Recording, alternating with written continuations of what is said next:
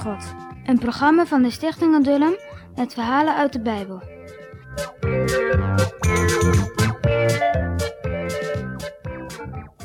het lage land, de zeeën en het schelpenstrand, de bloemen aan de waterkant. Alles is in zijn hand. En de haan die krijgt kukkeleku En de kip die kaak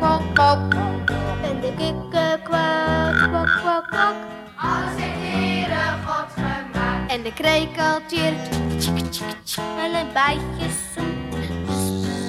En het eendje kwak kwak kwak kwak Alles heeft Heere God gemaakt. De mooiste tuin. Toen de Heere God gereed was met zijn werk, zag hij dat alles heel mooi en goed was. Er ontbrak niets aan. Daarom heeft hij op de zevende dag gerust van zijn arbeid. Niet omdat hij zo moe was. De Heere God wordt nooit moe.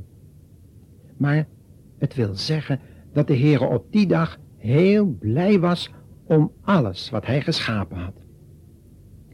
Daarmee gaf de Heere een voorbeeld aan de mensen om na zes dagen werken één dag te rusten. Niet om alleen maar aan jezelf te denken en er een plezierige dag van te maken, maar om aan God te denken en Hem te prijzen voor al zijn zorgen en goedheid. Kijk, kijk, daarom gaan mensen die in God geloven zondags naar de kerk. Om te luisteren naar wat God te zeggen heeft. En om dan te zingen tot zijn eer en te bidden om zijn zegen. Weet je waarom God eigenlijk de mens geschapen heeft? Dat kun je in de Bijbel lezen. Om hem te eren. Want God heeft de mens om hemzelf geschapen. Om zo dadelijk de naam van God groot te maken. Daarom bracht God de mens ook in de mooiste tuin die er op aarde ooit geweest is. In de Bijbel heet die tuin de Hof van Eden. Ook wordt die tuin wel eens het paradijs genoemd. En in die prachtige tuin mocht de mens wonen. Dat was een geschenk van de Heere. Zo kon hij alles wat God gemaakt had van heel dichtbij bekijken. Nooit was hij te moe om tot eer van God te zingen.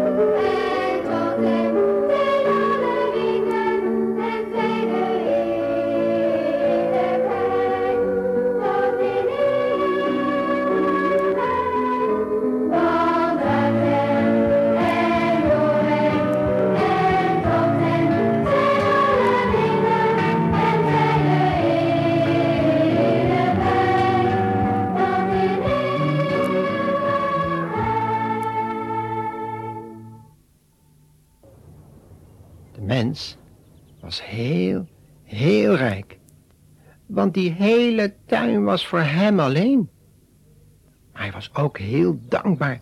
Want hij kreeg alles voor niets. Nergens had hij voor hoeven te werken. Hij kreeg het zomaar van God om van te genieten. In die tuin waren brede rivieren en beekjes. Zo groot was ze. In het water zwommen grote en kleine vissen. En langs de oever groeide het malse groene gas tot voedsel voor de dieren. Die kwamen er om te drinken van dat heldere, frisse water. Zonder angst liep de mens tussen al die dieren door, want ze waren hem allemaal gehoorzaam.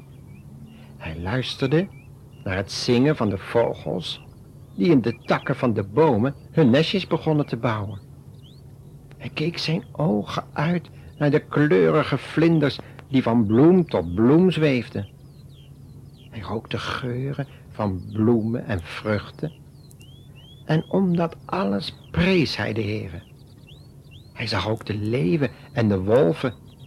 Die lagen rustig te slapen, liepen niet eens voor hem weg. Heel dicht lagen ze ook naast de schaapjes en de koeien. Ze deden elkaar helemaal geen kwaad. Die wolf, die at niet één schaapje op. Allen leefden rustig in vrede en vriendschap met elkaar. Eten was er ook in overvloed. De lekkerste vruchten groeiden er zomaar voor het grijpen. En, bij alles wat de mens in de tuin zag en hoorde, nou, dan kon hij alleen maar aan de liefde van de Heer Jezus denken, die alles zo gemaakt had. Daarom was hij nooit verdrietig, want waar liefde woont, daar gebiedt de Heer zijn zegen, zingen we wel eens in de kerk. Daar, die alles zo schoon geschapen heeft, daar, daar woont hij zelf. Daar wordt zijn heil verkregen en het leven tot in eeuwigheid. In de hemel woont de Heere met al zijn heilige engelen. Maar dikwijls kwam hij op bezoek bij de mens in de hof. Dan spraken de Heere en de mens met elkaar. Dan luisterde de mens naar Gods vriendelijke stem en dankte hem voor al zijn goedheid. Hoe heerlijk leefde de mens in die mooiste tuin op aarde. Wat een heerlijkheid had hij van zijn schepper ontvangen. Wat was de Heere toch goed voor zijn schepsel.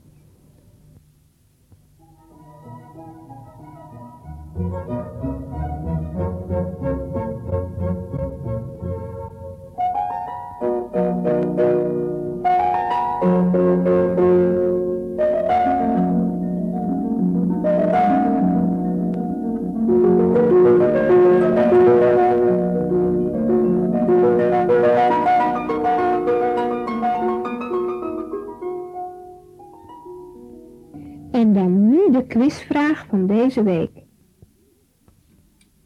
Nou, daar komt hij dan. Goed opletten, kinderen. Wat miste Adam toen hij de dieren aan het namen geven was? Dus ik zal die vraag nog een keer herhalen. Wat miste Adam toen hij de dieren namen gaf? Dus goed nadenken wat hij allemaal om zich heen zag en wat hij toen ging missen.